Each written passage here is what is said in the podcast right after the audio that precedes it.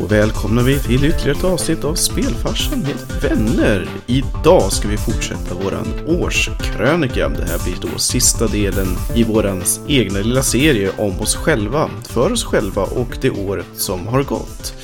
Idag ska vi prata om våra favorithöjdpunkter.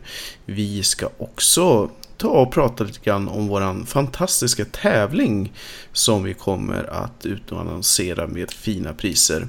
Vi kommer självklart också hinna med lite smått och gott om året som har gått och vad vi tyckt varit trevligt och kanske saker som har varit lite mindre trevliga, man vet aldrig. Men eh, jag tycker att vi sparkar igång och pratar lite grann om vad vi läskar strupen med. Så Linda, vad har du i glaset?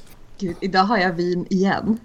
Jag, jag bad min kille köpa en öl till mig, eh, men det jag hittade i kylen var en flaska rosévin.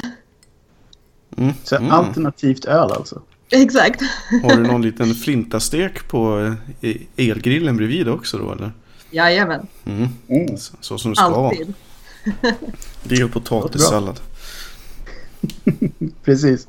Rosévin, det är inte något man ser ofta i spel. Ser man vin överhuvudtaget ofta i spel? Ja, alltså som Witcher. folk faktiskt aktivt dricker? Witcher är hur mycket vin som helst, speciellt i Blood and Wine. Sant. Men som sagt, ser man dem dricka det så ofta då? Nja, jag, kan, jag försöker bara minnas tillbaka så här lite sofistikerade, typ Hitman eller något. När de sitter och sippar, men det kanske är mer whisky. Jag tänkte även på Deus Ex så, liksom, så fort det ska drickas så är det whisky. Eller något som ser ut som whisky i alla fall. Ja, intressant. Jag får ta en funderare på den. Mm, jag sitter i alla fall med vitt vin. Uh, det också. Lite fint sådär. Uh -huh. Vad är det för något trevligt då? Ja, det är Chardonnay? Jaså, jaha. Ja, själv sitter jag med en, ja inte sunke ska jag inte säga, men en kall breezer. Lime. Säg inte sunkig och breezy i samma mening. Då, då måste jag protestera. Det är... Sunkig och kall är ju nästan samma sak. Nej, jag hade tänkt först säga att det skulle varit ljummen, men den var inte det. Den, det var bättre än så. Den kommer från kylskåpet.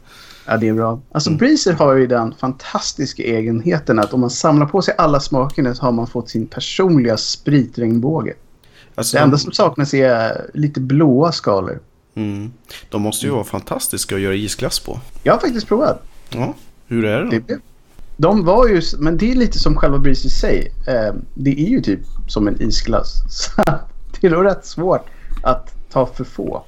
Men jag ser det, det är bara en positiv grej. Ja, då har vi ju förklarat vad vi sitter med i glaset och det är minst ja, lika viktigt som att uh, ha ett glatt humör och tågan är topp och så vidare. Och mm. eh, som vi var inne på lite grann så ska vi ju prata om vad vi har tyckt sådär alldeles extra förträffligt mycket om. Så um, jag kan ju sparka igång med att eh, nämna att vi har ju kläckt eh, en av spelhistoriens bästa spelidéer genom det här året. Och eh, inte mindre än en trädklättrarsimulator. Jag minns inte exakt när den eh, genialiska idén dök upp, men Ja, det kom i vårt eh, sportspel. Ja.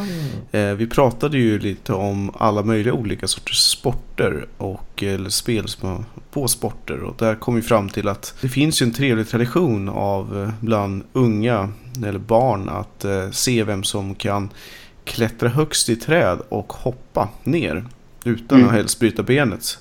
Vilket kanske händer i, jag kommer inte ihåg, det, det finns ju någon barnfilm när de hoppar från ett tak. Och så bryter han benet. Inte det någon av de här äh, Astrid Lindgren? Ja, det är ju Madicken väl? Madicken ja, ja, precis. Så jag tänkte någonting liknande så att man ska helt enkelt då, man klättrar upp i trädet och sen så är det någon form av quick time event för att eh, klara landningen. Lite Pilot Wings fast i trädformat. Och eller lite Until Dawn, för jag tror att man gör det där någonstans. När man ska ja. klättra upp för något berg kanske det eller någon liten klippa. Eller en stor sten kanske, ja. Det låter faktiskt lite bekant. Mm. Jag tänkte annars att det skulle kunna vara lite som um, man tänker i hur mycket man kan dopa sin lilla klättrare och sen överleva hoppet liksom. Precis, eller så här, man gör en vuxnare variant där man får börja med att dricka, se vem som dricker flest bärs och sen klättrar upp och överhuvudtaget kommer upp i trädet. Precis, gör man det i sån här mysgrafik som i um, Firewatch mm. skulle det kunna bli helt fantastiskt. Firewatch-grafik och VR. Ja. Och sen, och sen lite sådana här, eh, vad hette det skräckspelet? Eternal Darkness tror jag. När man, när man trodde att man blev dum i huvudet för skärmen började liksom skaka, eller bilden började mm. skaka och sådär. Ja, man kanske kan göra lite olika varianter av övningar för man måste ju överkomma sin rädsla precis när man ska hoppa. Ja, mm. men jag tänker om man tagit för många öl så blir det lite som Linda säger att det börjar skaka. Så att mm. man får en indikation på om man tog en för mycket liksom. Mm. Jo, men det beror ju på om man ska göra den här juniorversionen eller den mera vuxna versionen. Man skulle ju kunna ha eh, två stycken eh, versioner helt enkelt. Så kan man casha in både för de vuxna gamersarna och eh, småbarnsfamiljerna som bara vill spela Madicken-spel. Tror du vi kan sno den här reklamen från eh, Systembolaget är det väl då, eller IQ är det nog, eh, när en eh, kvinna eller en tjej som springer runt med mobiltelefonen och sen så är hon helt uppriven för att jag tror Linus har hopp, någonting sånt. Fast en, den kan vi, den kan vi sno. Satir på Ingen som märker. Mm. Alltså, jag tror att vi måste polera lite mer på det där, men, men trädklättringsspelet, även nu när vi dammar av det, så det känns nästan bättre nu än när det kom upp första gången. Ja, det finns ju så många möjligheter för att släppa DLCs högre träd. Mm. Elaka just det, just DLC-djungeln för att få ihop det här på ett bra sätt. Ja, exakt. Regnskogs-DLC. Ja, ja, visst. Det här blir så bra. Bokskogs-DLC liksom för alla skåningar som gillar sånt. Liksom. Och Redwood. För alla jänkare där ute.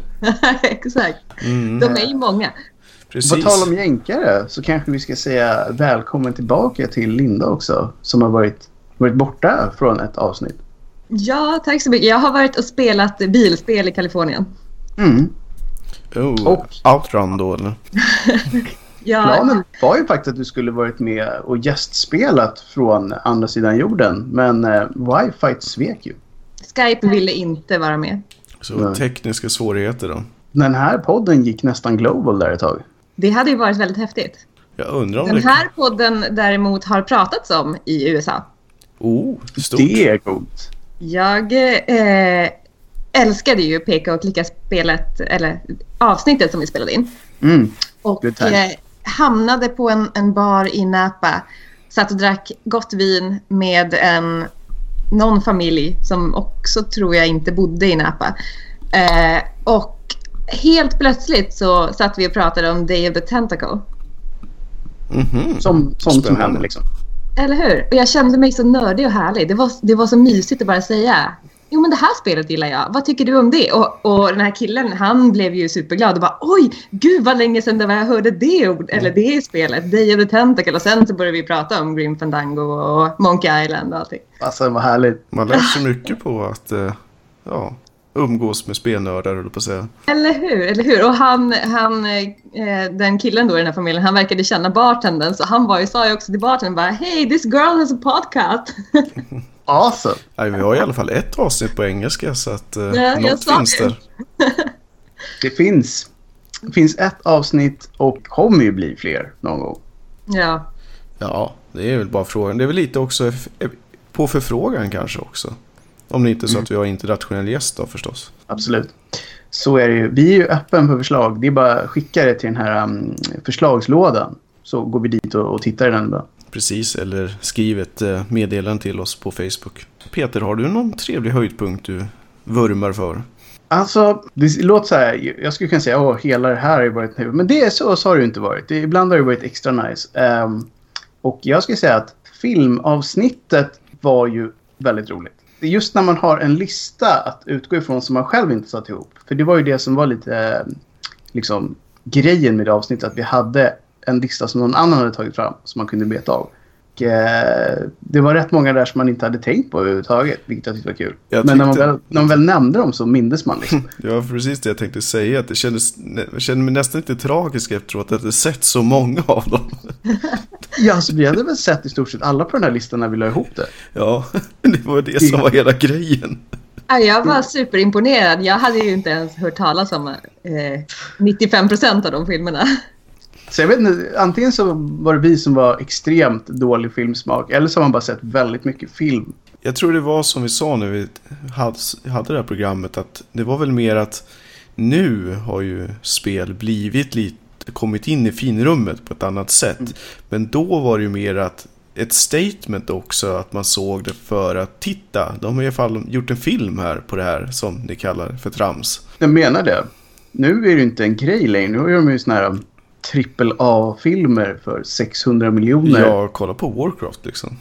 Ja, och den nya Tomb Raider med um, Alicia Vikander lär ju inte kosta en och två kronor heller direkt. Nej, absolut inte. Och vill ni också passa på att höra en skön showdown om vad vi tycker och tänker om Mortal Kombat-filmerna så kan ni ju ta och lyssna gärna där också. Eller inte. Fast den hade någonting. Så här, jag, jag, tror inte ens jag kan säga vad det är själv, men någonting var det. Den har ju om inte annat ett schysst soundtrack. Jag för mig var överens om. Ja, men det var, det var vi väldigt överens om. Men det är väl just det att eh, om man ska vara ärlig mot många spel så har de ju oftast haft ganska bra musik. Ja, sen så tycker jag också att om nu ändå ska vara inne på Mortal Kombat-filmerna så åtminstone om vi tar den första och den andra så är man ganska sann till sina karaktärer. Sen att karaktärerna är extremt ihåliga ända tills de gjorde nu den här äh, miniserien eh, Mortal mm. Kombat Legacy eller vad den heter. Mm. Eh, så att, eh, men visst, handen på hjärtat så, ja, kanske inte var den absolut tungaste storyn direkt om man säger så. Allting med Jean-Claude Van Damme är jättebra. Det är magiskt. Det är magiskt. Mm.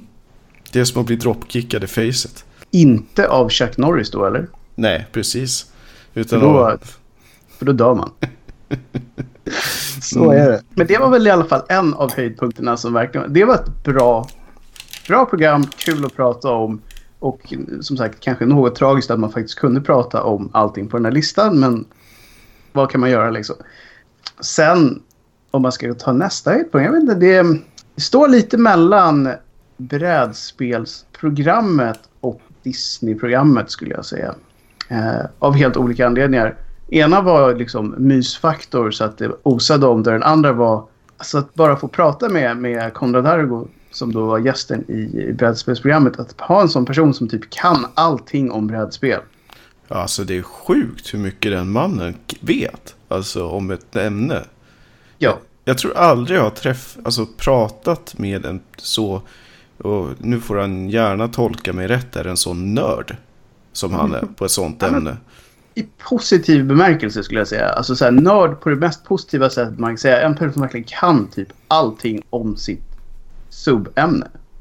Ja, och som så enkelt kunde prata om det. Och eh, så här, jag, jag antar att han är en sån person som man skulle kunna i princip ta vilken, åtminstone inom, han har ju ändå en viss nisch av brädspel ska man ju ändå säga.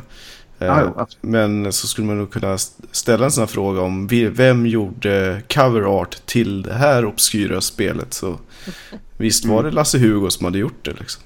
Ja, alltid Lasse Hugo. Nej, så det, det var ett häftigt program. Eh, och som sagt, Disney-programmet var ju, det var ju mysfaktor. Alltså det var så, här, så mycket 90-tals, tidigt 90-tals nostalgi så det fanns inte. Det var som att vara tillbaka framför TV4 när det var Disney-dags igen liksom. Ja, jag var ju tvungen att, att, börja spela lite på Aladdin igen efter att vi hade pratat om det. Ja, det har jag full förståelse för. Det är ju så sjukt mysigt. Man borde nästan ha en sån eh, livestream på våran Twitch-kanal vid tillfälle. Där vi bara bemästrar Aladdin, eller Aladdin bemästrar oss. Jag vågar inte säga vilket det blir. Det låter bra. Jag bemästrar Aladdin förutom i lavabanan. Ja, men den kan jag ta. Jag har klarat den för. Ja, ja, vi kan alltid... Det går väl alltid att fuska med save states. Man kan klippa. Ja. Fast om, om vi ska fuska så är det ju Linda som ska göra det, hade vi väl kommit fram till. Oh, yes, det är min grej. Mm. Det var ju en höjdpunkt också, när vi fick reda på att Linda har egentligen bara fuskat sig igenom hela sin spelkarriär. Ja. Fast det charmiga med det var ju att det var någonting som hon inte visste om. ja, vad var det för spel? Castlevania 4. Just det. I det där när man hoppade ut genom fönstret. Vilket egentligen kanske inte rent tekniskt sett skulle ses som ett fusk av de flesta. Det är väl mer en hemlighet egentligen. Ja, så vi får väl vara lite snälla att vara mer så här. Det, det var inte det vanliga sättet. Nej, det var inte Konami-koden om man säger. Nej, det var det inte. Vilket man mm. själv också använt en och annan gång. Ja, men det måste de, det måste de ju ändå vilja att man, att man gör. Numera är det ju en ädel fin tradition. Ja, det är ju till och med så att de emulerar in det i liksom nutida titlar. Fast du har 14 000 save points och liksom hela klabbet. Ja, ja visst. Så det, det är ju nästan någon sån här en deal mellan det företaget och fans till det företaget. Ja, och det är kul att de har någon fanservice kvar i alla fall. Mm. Det känns som ett helt eget avsnitt som vi inte haft än. Nej. Fanservice och förhållandet mellan företagen och eh, fans som tyckte att det var bättre förr. Ja, där finns mycket att säga. Verkligen. Jag, Ska tycker, vi ta dina då kanske? Höjdpunkter. jag var ju inne på trädklättrarspelet förstås. Annars så... Jag gillade ju verkligen också det som Linda var inne på i form utav um, peka-klicka-spelet. Eller programmet. Ja, eh, det, det är en genre som jag hade glömt hur mycket jag gillade. Eh, jag spelade ju in en video till det avsnittet som var från eh, Monkey Island 2. Och det var så himla kul så jag var sen tvungen att bara köra igenom hela spelet. Och det var nästan bättre än jag minns det fortfarande. Så att det, det är verkligen en genre som jag har eh, känner att jag borde liksom köra om ett par klassiker i bara för att det var så himla kul. Ja, det är så väldigt mycket nostalgi inblandat så att... Mm, det var Det skönt att återkomma. Men de är ju fortfarande, alltså jag skulle säga speciellt de här som, som vi har nämnt lite här och där, de här HD-remakes. De har ju gjort att man får ut både stämningen, humorn, dialogen och grafiken i någon mån. Så det är liksom, de är ju fortfarande väldigt bra. Ja, de är extremt bra. Eh, Och som sagt, det som är kul med de här HD-remakesen det är ju att nästa generation faktiskt får en bra möjlighet att upptäcka och en hel genre som man kanske har missat. Verkligen. Um, tänkte, är det, det var väl ganska nyligen som Full Throttle eh, HD Ja, kom ut? det var här om veckan. och det som var lite intressant där det är att visst, nu har de ju steppat upp eh, grafiken till eh, full HD. Mm. Eh, och det är väl nice i sig, men det intressanta är att Full Throttle originalet till Mac hade inte dosupplösningen på 340 pixlar gånger någonting, någonting. Utan Mm. den hade 680 pixlar på sina texturer. Så att om man eh, smäller upp en Mac-emulator med Full Throttle och ställer den bredvid den nya HD-remaken så är det inte sådär supermycket eh, detaljskillnad i och med att man har valt en lite så här smetig stil fortfarande. Så att Mm. det, är, nä, det är nästan så här att om man ska vara riktigt tekniskt petig så är man lite snuvad på konfekten där. Det är ju lite häftig detalj. Det hade jag faktiskt inte alls koll på att de hade gjort. Nej, det hade inte jag heller tills jag hittade en extremt nördig YouTube-video när jag ändå var inne på ämnet. Men eh, Full Throttle är ju också ett, ett spel som är lite spännande på så sätt att det är ju, är ju egentligen inte särskilt bra från ett pusselperspektiv. Utan man köpte det är ju verkligen med glasögonen man har på sig. Utan det är ju, det är ju stämningen och hela det är ju spelet i sig som är bra. Egentligen inte spelmekaniken i det. Nej, det var väl storyn, atmosfären och karaktärerna som sålde det spelet Mm. mer än någonting annat. Precis. Och det har ju hållit väldigt bra. Jag vet inte riktigt om det var så att personen som spelade in rösten, för huvudpersonen är ju död Mm. eh, numera. Men de hade ju på något sätt lyckats resampla in allt ljud i högre kvalitet än i originalspelet om jag förstod saken rätt. Ehm, så att det var ju jättemycket arbete för att få till det här HD-remaken. Så att de bryr sig uppenbarligen om Ja, spelet. ja, alltså absolut. Det är som jag sa också, det är ett mycket bra tillfälle för den som inte har testat att göra det. Sen, och ja, man kommer njuta av det. Så Och- vi hade kunnat släppa HD-remakes av våra podcasts med mycket bättre ljud. Jag förstår inte varför säger skulle kunna. Det här, det här kommer ju hända om ett antal år. Det måste ju bli så att man inte riktigt minns om det var bra eller dåligt. Då kommer Ja. det liksom HD-boxen första säsongen. Spelfarsa. Det är lite som när de färglägger så här gamla krigsfilmer från första världskriget i färg. Ja, det ser alltid så jävla tacky ut. Det är så konstigt. Och här har vi den franska det ett gäng smurfblå snubbar. Men de var det ju smurfblå ju. Kommer du inte Ja. ihåg det? Precis. Där är ju gammelsmurfen i bakgrunden ju. Ja, jag har för mig, har vi, har vi gjort, har vi pratat om smurfspelen? Nej, det har vi nog inte gjort. Ja, nej. Vi har Nej. möjligtvis pratat om Hugo-spelen, men inte smurfspelen. Eh, Det Nej. finns då fantastiska smurfspel. Det är ett helt eget avsnitt. Ja, precis. Det That's tycker jag. Smurf. Annars så, apropå andra spel, så eh, en skön spelidé vi hade, det var ju en eh, mod till eh, Left 4 Dead. Där vi plockar in arga göteborgare istället för zombies. Där alla skulle heta Glenn också hans röst för mig. Mm. Ja, just. Man skulle få den här hallå eller och sen skulle man bli uppäten. Mm. Och Det sen är ju så, traumatiskt. Och så ska man så här, äh, försvara Göteborgs kexfabrik. För Glenn har fått otroligt äh, kex till och med. Samtidigt som man tar en dusch och säger kedja och äh, så vidare och så vidare. Men i alla fall. Så får man sitta där och så får man slåss mot ett par tusen Glenn som har carvings för kex. Sen finns det ju alla möjliga potentiella chanser för DLC där man lägger till Feskekyrka och sådär. Mhm, Precis. Det får man ju göra. Gud. Oh, ja. Glenn övertar, glänsen övertar Feskekyrka. Glänsen. Lyssna dem till Glenn. Alltså spelet skulle ju... Bara titta upp och är det mig du pratar om? Spelet skulle kunna heta Gläns över Göteborg. Precis. Och sen så kommer uppföljaren Känn ingen sorg för mig i Göteborg. Ja, ja visst. Ja, det här är så bra så att... Eh, jag vet inte om vi vågar säga mer om det. Nej, det blir en ny höjdpunkt till nästa år. Det blir, det. det blir väldigt meta att en höjdpunkt för nästa års höjdpunkt var under programmet med höjdpunkter. Precis. Ja. Mm. För mycket. Det blir, precis, det blir för mycket. För mycket blir det. Mm. Men Linda har ju också en fantastisk höjdpunkt i form av... Hon hittade ju ett stycke spelhistoria jag inte visste fanns i form av ett par cheerleaderspel. Ja, det är ju en grej känner jag. Det skulle man ju också kunna inkorporera i en massa andra spel. Ja, jag förstår inte varför det inte finns sådana saker i GTA till exempel. Mm. Eller hur? Eller som till exempel, eh, inte för att skryta, men när jag hittade min Snorlax, då hade det varit perfekt med lite cheerleaders. Oh, hur Ursäkta, sa du att du hade hittat en Snorlax? Hörde jag det rätt nu? Jag har hittat en Snorlax. Vissa av oss har inte gjort det, så jag är inte alls bitter. Men du kan väl då Ja. trada den med Peter? Inte än. Man måste ju ha... För det första så tror jag inte man kan göra det än. Men jag tror att Linda kommer nog inte trada den för allt smör i Småland innan hon har två åtminstone. Exakt, det tog ju mig ett år nästan att få en. Och jag fick ju den i ett ägg. Vi var på väg och skulle äta middag och satt i bilen så jag bara kan vi ta ett varv runt kvarteret så mitt 10 kilometers ägg kan kläckas innan vi går och käkar.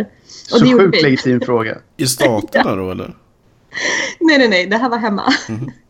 Då är ju frågan, så här, följdfrågan, var den upplevelsen bättre än middagen? Nästan. Det var det jag pratade om ganska mycket på middagen. Ja, Jag kan tänka mig det. Men det här är stort, bara för alla oinsatta. Om ni vill veta hur stort det är så kan ni ju kika lite på vårt Pokémon-avsnitt. Men det, det är stort. Det, det har letats länge och ihärdigt efter den här uh, Snorlaxen. Är Snorlax fortfarande en, en grej? Eller har det kommit andra som är mycket mera, ska vi säga, sällsynta? Ja, det är en grej. Jag har ju fortfarande inte hittat den. Och jag har ändå nästan kört det här varje dag i ja, lika länge som Linda har. Ja, eller hur? Jag minns att vi båda tankade hem eh, Pokémon Go när vi var på väg till eh, grillkväll Mm. hemma hos spelfarsan. Exakt. Ja, just det. Så att jag menar, det, det har hänt. Och med tanke på att de har utökat antalet eh, Pokémons rejält sedan dess. Så tycker man att de här gamla borde trillat in eh, någonstans här medan de fyllde på. Men Ja. för min del så har det fortfarande inte blivit något sånt. För ofta så gör man ju så att man sänker eller höjer snarare drop-raten på de gamla när man introducerar nya som ska vara mer exklusiva liksom. Mm. Nej, jag har gått bet på det. Däremot så har man ju fått en abundance av massa andra. Men just Snorlax. Men jag, jag spelar ju fortfarande så uppenbarligen ljög jag ju i avsnittet när jag, när jag sa att eh, det är för Snorlax jag fortfarande håller på. Mm. Men det var ju innan vi visste att de skulle fylla på med jättemånga fler. Så var det. Eh, och jag tyckte vi var ganska, ganska så tydliga med att vi sa att vi spelar det här tills vi får den sista. Och så fort vi får den sista så är det typ slut. Ja. Men hur går det då när de fyller på hela tiden?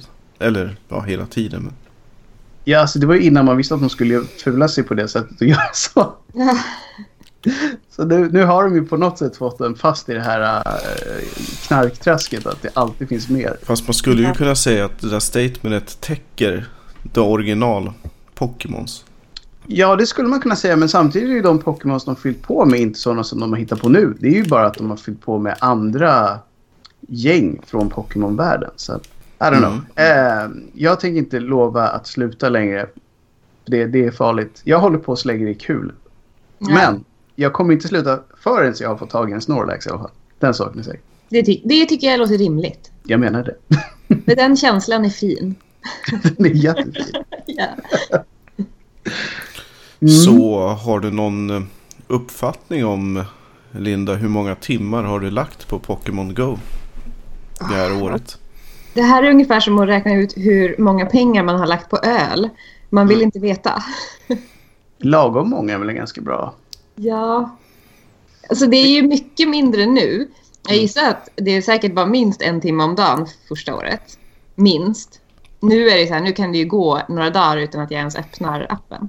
Så en 500 timmar kanske? Gud. Ja. Jag skulle väl ändå vilja säga att jag har nog inte lagt så mycket tid på det som jag skulle lagt på något vettigare. För jag är oftast att man liksom öppnar upp den när man är på väg till och från kontoret till exempel. Eh, det- Sitter på bussen eller ska gå någonstans dit man ändå ska gå. Men det var väl det som var en av ursäkterna lite grann, att man fick ut och röra på sig samtidigt som man spelade. Ja, men precis. Och det tycker jag på något sätt att så har det varit ganska ofta. Så det är så här, man utnyttjar tiden som man ändå lägger på någonting annat till att också fånga lite Pokémon. ja. En, ehm, en person som kanske inte rörde på sig riktigt lika mycket var ju också ett trevligt program vi hade med eh, min kära vän Robin när vi pratade om hur det var bättre förr i World of Warcraft. Där eh, personen i fråga la fem dagar in-game tid den första veckan. Just det. Det är också lite imponerande. Det är väldigt imponerande. Det är ganska många timmar som man inte sover om man säger så. Ja. Ja, jag har alltid varit lite fascinerad av det där, för jag har nog aldrig... En del personer har en förmåga att kunna spela hur mycket som helst i en sittning. Det har jag aldrig riktigt haft. Jag har kunnat spela dagligen under längre perioder, men jag har aldrig kunnat vara så här, nu sätter jag mig ner och kör det här spelet i 16 timmar i sträck till exempel. Nej, alltså det, det var länge sedan som man kunde vara så dedikerad. Jag har ju haft det, mina sessioner förr där man har när man väl kommer till det här eh, fantastiska ögonblicket där man på riktigt känner kalla kårar som springer upp längs ryggraden. Då vet man att då är det dags att sluta. Jag trodde du menade när man körde ett skräckspel, men okej, men man känner det utan att köra ett Mm. skräckspel. Då är det dags att sluta. Då är det definitivt dags att sluta. Ja, man får så flashbacks till LAN-partyn runt halv sex på morgonen. Det är då, där någonstans. Mm. Många Red Bulls och så vidare.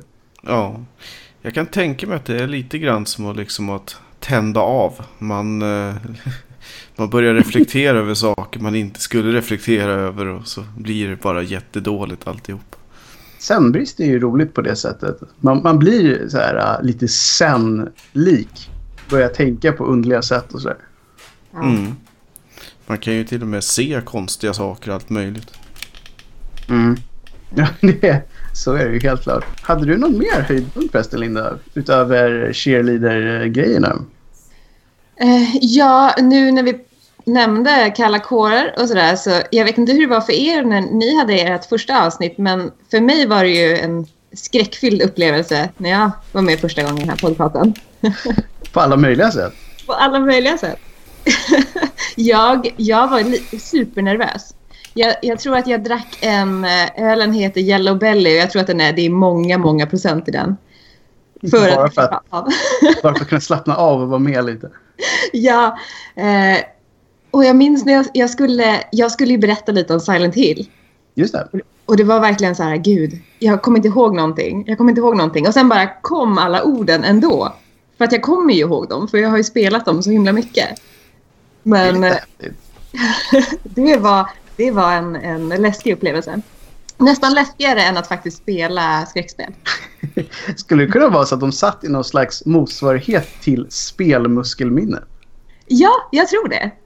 Så att de finns där fast man vet inte att de finns där. Men det brukar Ja. ju vara så med bra minnen att eh, de är ju lätta att frammana. Om man bara Mm. vill. Men eh, apropå skräckspel Peter, har du sparkat igång Resident Evil 7 ännu? Va? Nej, nej, nej.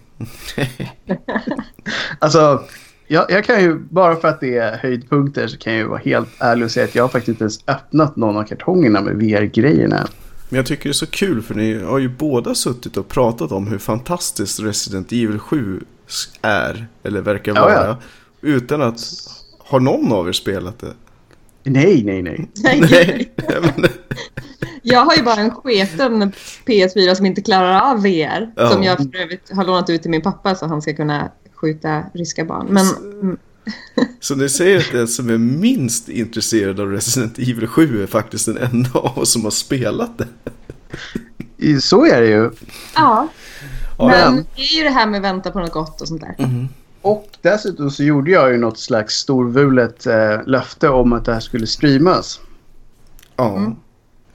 Och då var ju förhoppningen att ni skulle vara med på något vänster så att vi alla kan bli livrädda tillsammans. Jag är fortfarande lite skeptisk till att streama VR, men Ja, så man måste ju ha en... ehm, man har ju en kamera på den stackaren som spelar också så man ser hur rädd Det är blir. det som streamas, Ja, precis. Man får inte själva se- spelet. Man får inte se själva spelet, men man får se hur rädd man blir. Ja. ah, ja, vi får se. Det är, men det är hur som haver, det har vi av- pratat om hundra gånger. Att det stämmer ju också att det är, ett, det är ett väldigt bra spel i alla fall. Oh, ja. Mm. Men ehm, ja, vi får väl erkänna att än så länge har det inte hänt. Nej. Nej. Sen så, eh, Linda, apropå muskelminnen, så måste ju Zelda vara ett speciellt Link to the Past, ett sånt som verkligen sitter i ryggmärgen. Fantastiskt. Gud vad kul det var. Det här med att, att eh, spela spel tillsammans. Mm. Även fast det är eh, bara en som spelar och de andra dricker öl eller konstiga drinkar. Alltså, Vad det- härligt det var när vi började spela Link to the Past här för någon vecka sedan. Mm. Ja, alltså när vi var på um, Nerds. Nerds. Just det. Eh, som vi kan prata mer om vid något annat tillfälle. Men nytt ställe, man kan spela spel. Eh, vi var där och testade lite grann. På Söder i Stockholm. Kan man Yes. lägga till. Yes. Det var jättekul. Alltså jag har verkligen, jag har verkligen glömt hur kul det kan vara att eh, göra sådana grejer. Jag menar, vi har, alla vi tre har kört i spelet massa gånger. Och det, det är inte det att säga oj, ett nytt spel, undrar vad jag ska göra. Utan just att man vet vad man ska göra. Men det var fortfarande roligt. Mm. Man kan inte ledsna på det där spelet heller. Det Nej. är ju så fint. Det är väldigt tidlöst. Det är det verkligen. Mm. Och det var ju verkligen a link to the past. Oh ja. oj, oj, oj. Det enda som jag skulle kunna säga var lite tråkigt var att det kändes som ett spel som kanske inte var perfekt för den omgivningen. Nej, man ska ju kanske sitta hemma i sin ensamhet tillsammans med vänner. såklart. Ja, man ska inte bli stressad av att andra vill komma åt konsolen om man säger så. Nej. Nej, och jag kan tänka mig att om man ska göra något sånt på Nerds just, då får man vara väldigt ogenerad med att man bara nej, jag har betalat för att komma in, jag tänkte spela här tills jag är klar. Om det är sex timmar så är det sex timmar liksom. Ja. Och kanske sätta sig i ett hörn då så att man inte stör folk genom att bara sitta och hogga en konsol jättelänge. Nej, jag håller helt med. Men eh, vi har ju också en annan fantastisk spelserie som berör oss djupt allihopa som eh, vi, jag tycker att vi ska ta och bena ut nu en gång för alla. Hur startade Peters otroliga fascination för Bassmaster-serien? Ja, va- vad ska man säga egentligen? Man fiskar lite ibland liksom.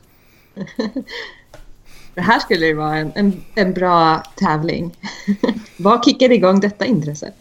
Och, och det skulle faktiskt vara till hjälp för oss alla för jag minns faktiskt inte när vi pratat om det där längre. Jag tror, men jag minns inte exakt vilket avsnitt det var, men jag tror att det börjar med att vi pratar om att man fiskar i nästan alla spel, speciellt i de i japanska rollspel på ett eller annat sätt. Ja, så det vet jag. Det nämnde vi absolut. Och att man gjorde det väldigt mycket till exempel i, i Final Fantasy 15 där maten såg så himla god ut. Ja, och i de flesta Breath of Fire-spelen, nästan alla MMO på ett eller Mm. annat sätt. Och så vidare och så vidare.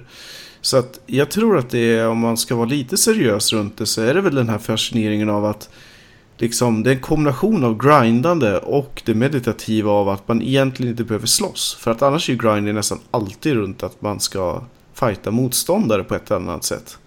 Här är Mm. ju ändå bara lite skills. Ja, och det... Man får liksom ett break från allt. Man har dödat lite folk och så behöver man bara något annat för en stund. Då går man och fiskar lite. Mm. Det är som när jag spelade Stardew Valley. Jag hade ju en session där jag bara fiskade och inte odlade en enda grönsak i princip. Jag tänkte ju säga det, där har vi ju ett fantastiskt fiskespel i Stardew. Där man dessutom kan fånga massa olika legendary fishes och man kan fånga vissa fiskar under vissa årstider. Alltså det är så här, det blir inte bättre så. Nej, precis. Jo, i VR. I, ja, ja, självklart. VR kommer alltid vara den ultimata formen av eh, Bassmaster. Ja, det och sen de här jaktspelen. Och sen en cheerleading squad som står runt omkring dig och jublar och eh, gör volter när du lyckas fånga Ja, det, där har vi en väldigt bra symbios känner jag. Om man får upp den här regnbågslaxen, mm. 8 kilo plus, så dansar de fram liksom. Ja. ja, men vi har ju varit inne på det tidigare under året att eh, ett scenario där vi skulle skaffa en stor fiskebåt som vi skulle få in på något sätt i Peters vardagsrum. Med två stycken fläktar och rejält med eh, lax i någon fryslåda och en vind, eh, ja en stor fläkt och lite sådär. Och så kastar man ut i VR helt enkelt. Ja, alltså det, det är magiskt. Alltså bara så här saltstänk. Man skulle slänga upp lite så här grovsalt i en fläkt så det blåser mot ansiktet och liksom ja. river lite i kinderna. Alltså det, ja. Det påminner det om kunna... den där, äh, det fanns en attraktion på Disneyland, tror jag, eller Disney World. Jag tror det var någon sån här alien-grej eller något där man satt i stolar och så var det typ någon biovisning och sen så kunde de röra sig och sen så hade de att det kom in så här äh, fukt eller dimma och sen alltså alla möjliga varianter. Så att det var någon mer utav 4D mm. upplevelse. Så någonting åt det hållet. Det blir ju sällan bra, blir det det? Jag tror att det är den som jag pratade om. Just då när den kom så var folk väldigt så här att de var rädda för att just att det här att de liksom försänkte hela ytan du satt i dimma och sen så var det typ någonting som kom och petade dig på axeln typ och sådär. Mm. Och det kom ju era precis när, runt Alien-filmerna och allt det där så att det var väl väldigt... Ja, för 4D jag såg, det fanns en sån biograf i eh, Nacka Forum tror jag. Som sen la ner ganska snabbt. Så jag tror det, det blev aldrig jättestort liksom. Men eh, det var snack om det ett tag. Just det här att saker skulle röra en eller att man skulle känna dofter och grejer. Mm. Jag kommer ihåg att jag var på någon sån här 4D-grej när jag var i typ San Antonio eller någonstans i Texas. Mm på något museum och så avslutades allting med någon så 4D-upplevelse och det var riktigt tacky. Det var liksom, det var bara pinsamt hela grejen. Det kom något litet spruta vatten typ och så var det mm. lite, blåste det lite grann och det kändes verkligen så här, det här är så himla ihopbyggt hemmabygge kändes det som. Jag tror att det blir alltid tacky om man inte gör det riktigt, riktigt bra. Det är, ja. så här, det är antingen jättedyrt att göra på 4D eller så blir det bara skräp. Ja, det var verkligen och det var ju så här, upplev Texas. Hon bara, nej. Är det så här är jag? Så, men då vill inte jag vara kvar. Då åker jag hem igen. Ja, precis. Då åker jag härifrån. Ja, det skulle vara då en, ett ordentligt, eh, ett riktigt bra spöktåg kanske då. Mm. Blå tåget är på Grönan, precis. Mm. Det här ja. är bra sa du ja, okej. Okay. Ja, men efter tio stark och ja. Då. Alltså det, blå tåget på Grönan är, det här är väldigt så här icke-spelrelaterat. Det är en av de få grejerna som jag alltid gör när jag går till Gröna Lund. Och det har inte varit läskigt sedan jag var typ fem. Men det hör till. Det gör ju det. Vad hette förresten det här spelet eh, där man tappade bort sin son på ett... Eh, The Park. Eh, just det. Den, det var ju läskigare än Blå Tåget när man åkte i den där svanen. Den där jäkla svanen. Alltså. Fy fan vad creepy det var. Det är typ en av de få ögonblicken i det spelet där jag var så här, vad fan är det som händer? Ja. Bara snurrade ett helt varv och, bara, och den sa ingenting. Den bara kollade på ja. Det finns ju del läskiga turer i um, Planet Coaster. Precis, mm. ja, Ghost Mines till exempel. De är ganska coola för man kan ju åka med i dem. Japp. Vilket jag inte hade koll på när jag började spela det. Men nej, det var riktigt häftigt. Så, mm. Mm, men The, The, Park. Också en, en äh, grej som äh, hände under det här året. Jag hade inte kört det tidigare, men jag tror vi pratade lite om det i skräckspelets eh, avsnittet, tror jag. Eller något avsnitt vet jag vi tog upp det. För jag hade bara kört det lite grann. Men sen så var det på riktigt. Då Nej, det var, det var mysfaktor med den där svanen. Creepy. Precis. Och om man inte vågar spela det själv då kan man ju alltid titta på videon. Det kan man faktiskt göra. Eh, tror att man får en in, indikation av hur rädd jag blev när det hände också. Mm. Ja, så jag kan, kan ju släppa en liten, uh, liten bomb där också för nu är det ju preskriberat men min kära far har lyckats döda en svan med en slangbälla när han var sju. Oj. Måste han träffat den precis i huvudet då? Eller? Ja, precis. Damn. Mm. Fast svanar kan vara sjukt aggressiva så klart man blir rädd. Mm. De väser. det gör de. Ja. Är det en grej med pappor att döda fåglar? För min pappa ringde här om helgen och sa att han hade dödat en liten fågelunge. Varför nej. hade han gjort det kan man ju undra. Nej, den hade blivit halvt uppäten av hans kompis katter. Jaha. Okej, men då, då är det en mercy kill. Jag, jag, tro, jag trodde först det var något i stil med att han hade kört över den med en gräsklippare eller någonting i den stilen. Nej. Nej. Svanar är ju väldigt fina på avstånd men de, de, är, de kan vara downright aggro när man kommer i närheten. Oh ja, de kan vara mycket, mycket... De bits hårt. Ja, är Ja, de är riktigt... Och har ganska, de är ganska starka i vingarna väl? Ja, de är det. De kan veva på ordentligt. Ja. Mm. Nej, svanar ska man akta sig för. Speciellt i... The eh, Park. precis, speciellt i skräckspelet The Park. Mm, jag, jag kommer ihåg, apropå svanar, eh, när The Bounce eh, satte upp sin eh, version av Svansjön. Ja, just Det var det. en modern tappning som var väldigt bra, apropå svan.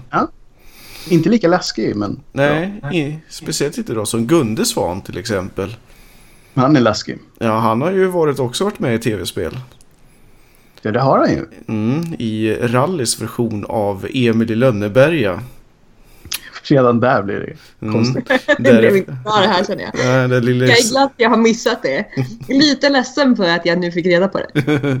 Precis. Nej, vi kan ju avslöja så pass mycket att Emil är slutbossen. Och Det, Yes. det är Gunde som är på jakt. Som han är oftast. Mm. På jakt efter någonting. Jag har för mig att de fick ganska mycket skit för den här grejen också. Men det, Det blir alltid känsligt när man ska driva med Astrid Lindgrens grejer.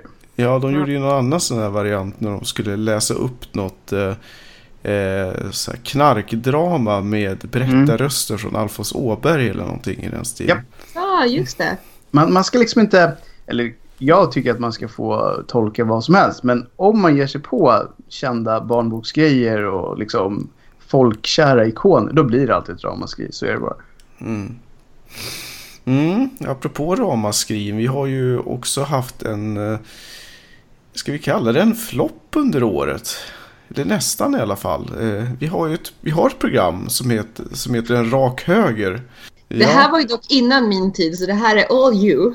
Ja, det är det faktiskt. Ja, jag förstår inte riktigt vad som hände för att det började ju bra. Vi liksom hade 70 lyssnare eller någonting på Ja, ja. första avsnittet och lite ja, sådär. Och sen fortfarande så är det 20 stycken som har lyssnat på det här avsnittet.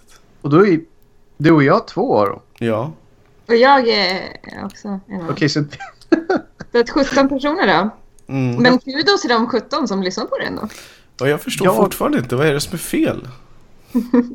alltså om det är, och det här har vi pratat om förut, om det är så att någon faktiskt vill höra av sig om varför så tar vi jättegärna emot den feedback. För jag har faktiskt inte en aning om vad som gick fel med det programmet. Nej, jag tyckte det var ett alldeles mysigt litet program men det, det är som sagt, det höll till dunkel. Ja, var det så att ingen ville ha en rak höger? Nej, eller var det, ja precis, det kan ju ha varit så att titeln från början var lite, ja, eller nej, det, hur, hur kan man missförstå den egentligen? Det är ju det avsnittet som vi borde göra en HD-remake av. Mm. Ja. Ja, jo, men det, alltså i och för sig, jag gör gärna ett, ett, ett nytt avsnitt om fighting-genren eller välja ut till exempel Street Fighter eller Mortal Kombat eller någonting liknande och bara prata om en specifik serie. Det skulle vi nog absolut kunna tänka sig göra. Det, har hunnit, det har hänt en hel del inom fighting sen vi gjorde det avsnittet. Det kan man ju säga utan vidare. Men det är jätte, jag har funderat mycket på det. Vad var det som blev fel? Eller var det bara så att vi har missuppfattat hur mycket folk inte gillar den genren? Mm, kan vara så. Till exempel så har de ju svårt att få ihop e-sportscenen runt en, någonting som faktiskt verkligen skulle kunna vara Mm. en alldeles utmärkt tävlingsform. Mm. Nej, det är underligt var det. Och, eh, målet innan liksom, hela den här podden pensioneras någon gång i framtiden är ju att man ska fördubbla antalet lyssnade på det avsnittet till 40 i alla fall. Ja, vi gör helt enkelt så här. Vi, vi går till KTH. Vi eh, shanghaiar en klass någonstans.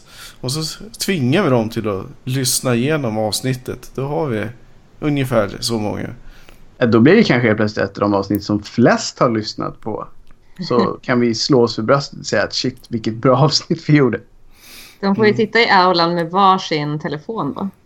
Precis. Lite så. kan, vi kan, vi kan inte ha högspelning av det för då är det bara Nej, en. då blir det inga lyssnare. Annars hade jag tänkt mig som i göra en kopia på Ursäkta röran vi bygger om. När eh, Filip eh, kliver in med bergsprängare i lässalen och bara matar på. Är det väl i um, stadsbiblioteket, är det inte? Ja, just det. Något sånt. Han ställer sig eh, med den där bygghjälmen på huvudet och drar på den där konstiga låten. Jag för mig att det är så här stora bokstäver i bakgrunden, så tyst också. Ja, absolut.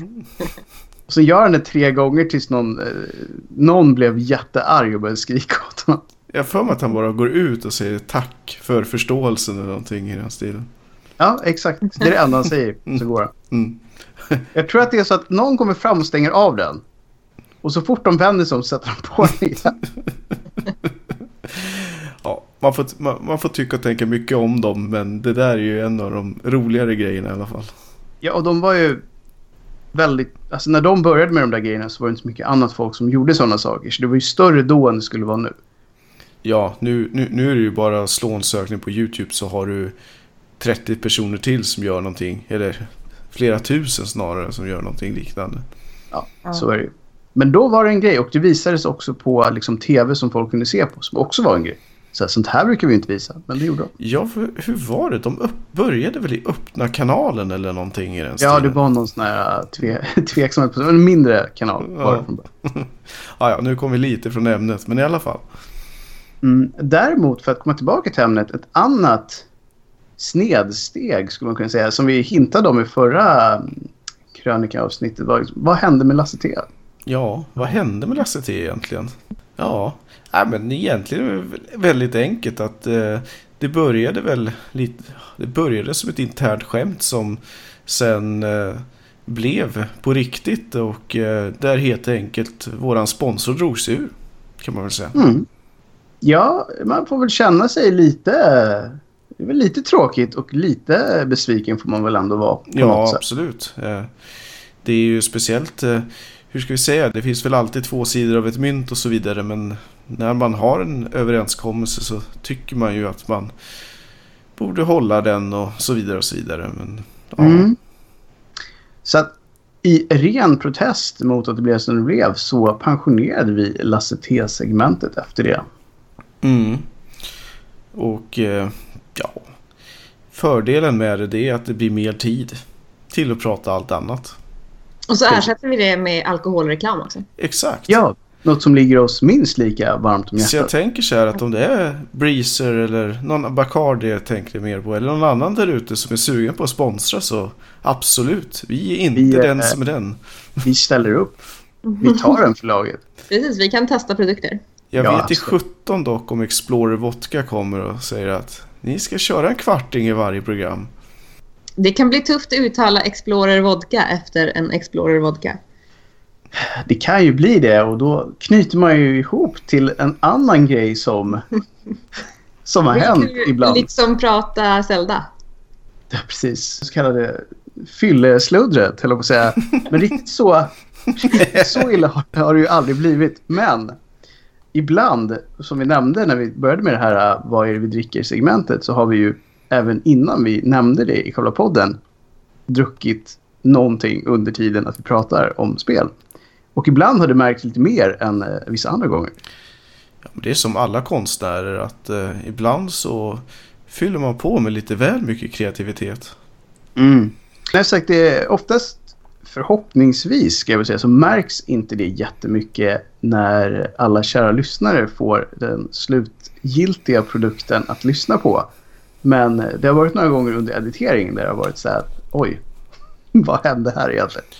Ja, ja, så länge som det inte går så långt som våran kära Persbrandt som uttalar sig så vackert att jag, det bästa jag vet är kola och kriminella. Nej, riktigt så långt gick det faktiskt inte. Så det, det kan vi säga. Det är, mer, det är mer det att det kändes som att intelligensnivån sjönk något kanske. Mm, men samtidigt så är det ju där man kan dra de djupa analyserna. Vad var det egentligen man hade tänkt säga? Mm. Det enda läskiga med det är att det har man väl inte en susning om. Nej, men jag tänker sig ett så här metaprogram där man spelar in en riktig fyllepodd. Och sen så har man ett analysprogram där man sitter efteråt och bara försöker bena ut vad var det egentligen man försökte säga. Det skulle kunna bli rätt intressant. Eh, rent allmänt sådär. Ja, eller väldigt, väldigt jobbigt har jag känslan. Beror Det på är- hur- hur sanningsenlig man ska vara. Ja, precis. Man kan alltid hitta på saker som man trodde att man menade att man skulle säga. Ja, Så att man låter som man hade någonting på gång. Mm. Måste nästan göra det i videoformat så att jag kan ha svåra såna här konstnärsglasögon på mig och en kritpipa i mungipan. Mm, så kan jag och Linda ligga på varsin sån här, vad heter det, psykologbädden. En sån här divan och se plågad ut. Precis. Jag kommer se plågad ut för jag tänker att jag ska ha en sån här pestdoktor-mask. Ja, jag vet inte hur man inte kan se plågad ut om man har en sån på sig. Nej. Men, Men jag tänker det, det går ihop med hela eh, min skräckspelsfascination. på det. Det, gör det ju faktiskt. Så att det, är ju, det är ju det eller att du är liksom kör sån här, um, vad heter den? Stay puffed. Marshmallow man. Just det. Men jag vill ju framförallt inte att man ska missa vem det är som är Linda av oss. Ja, precis. Vem av de här två med den här masken var igen? Exakt. Mm. Jag undrar vad är, vad är motsvarigheten eller motsatsen till skräckspel egentligen? Mario. Mm. Samia Mario. Familjespel alltså. Jag Ja. tror det. Mm. Men vi har i och för sig varit inne mycket på att vi tycker att skräckspel är mysiga. Så att antingen är ju vi bara störda. Eller så, så, så är familjespel läskiga för andra människor. Jag vet inte. Ja. Jag tror att det beror lite på vad, hur man upplever skräck. Om man upplever skräck som någonting som man liksom på ett eller annat vis går igång på lite grann. Då är Mm. det ju en annan grej. För jag menar, om man ska knyta tillbaka till en aktivitet som den här podden gjorde när vi körde Resident Evil eh, HD-remake av första. Då var det inte så att man satt och var jätterädd direkt. Utan det var ju good times rakt igenom. Det kan Ja. ju bero lite grann på att vi var mer eller mindre packade och dessutom hade spelat ett antal gånger innan. Ja, kanske.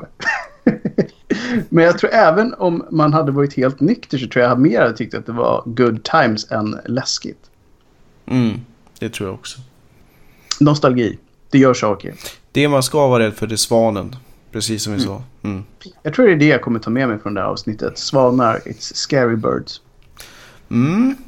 Men eh, då tycker jag att vi kommer till eh, det segmentet vi har väntat på allihopa nu. Och det är ju våran tävling. Första tävlingen. Precis, det är stort. Så är eh, om vi börjar med Peter, vad kan man vinna? Ja, alltså vi vill ju som alla andra förstklassiga instanser ha kvalitetsprylar som kaffekoppar. Och eh, t-shirtar. Precis. Roliga är kepsar var vi inne på, men vi, vi är inte riktigt där ännu. Nej, alltså kepsar är ju svårt. En del tycker kanske till och med inte att de är så coola. Men en kaffekopp kan man ju aldrig säga nej till. Och t-shirts måste man ju ändå på sig. Jag ville ju att det skulle bli gasmask, men det... det är svårt att få... Ja. Den, det, det precis, det är lite svårt. När vi får såna här 3D-printer så kan vi make that shit happen. Men Exakt. Jag tänker allt man behöver för eh, survival horror. Ett survival horror kit som är brandat. oh, det hade varit snyggt. Ja. I alla fall så kommer det vara så att eh, de först, den som kommer på första plats, han eller hon får en signerad Spelfarsan t-shirt Ja, i lagom storlek. Och eh, på andra och tredje plats så får man varsin, ja, kaffemugg helt enkelt. mm. Eventuellt signerad, men jag tror inte det är någon bra idé för det kommer diskas bort i alla fall. ja alltså vi kan jättegärna göra det om det är någon som vill det. Men som Oskar säger, de, de brukar inte överleva så länge. Mm. Och för att ha en chans att vinna då så ska man helt enkelt eh, svara på Eh, det är väl egentligen två frågor men det blir som tre stycken, tre stycken informationsbitar vi vill få in. Först och främst så vill vi veta vilken är Peters absolut största och bästa favoritspelserie. Nummer två så vill vi höra ett valfritt spel från, som vi tyckte bäst om under 2016. Det vill säga någon av eh, våra favoritspel under 2016. Och eh, för att eh, kunna leverera det här så går ni antingen in på våran eh, Facebook-sida eller på våran Soundcloud-sida och så skickar ni ett PM där helt enkelt. Mm. Och vi vill gärna in det här inom två veckor i alla fall från det programmet kommer upp. Ja, precis. Nej, det, de här muggarna kommer ju gå åt som smör i solen. Jag menar, jag kommer ha dem allihopa annars. Mm. Precis. Menar, nej, det Jag hoppas verkligen att eh, vi får chansen att skicka ut de här muggarna och t-shirten till någon av er där ute. Det vore jättekul. Precis. Så kommer ordet att spridas vidare och fler kommer få njuta av den här fantastiska podden. Och med det så eh, packar vi ihop för ikväll. Vi avslutar våran årskrönika och eh, lägger locket på för det gångna året. Och återigen tar en rejäl klapp på axeln och spanar framåt mot nästa. Ja, det tycker jag låter både rätt och rimligt. Och även om vi inte kommer dyka mer i vad vi gjorde just senaste året så kommer vi såklart alltid att tycka att det var bättre för. Absolut. Men det var alltid bättre för. Ja. Och med det säger vi tack och hej och på återhörande. Tack och hej. Hej. Hej.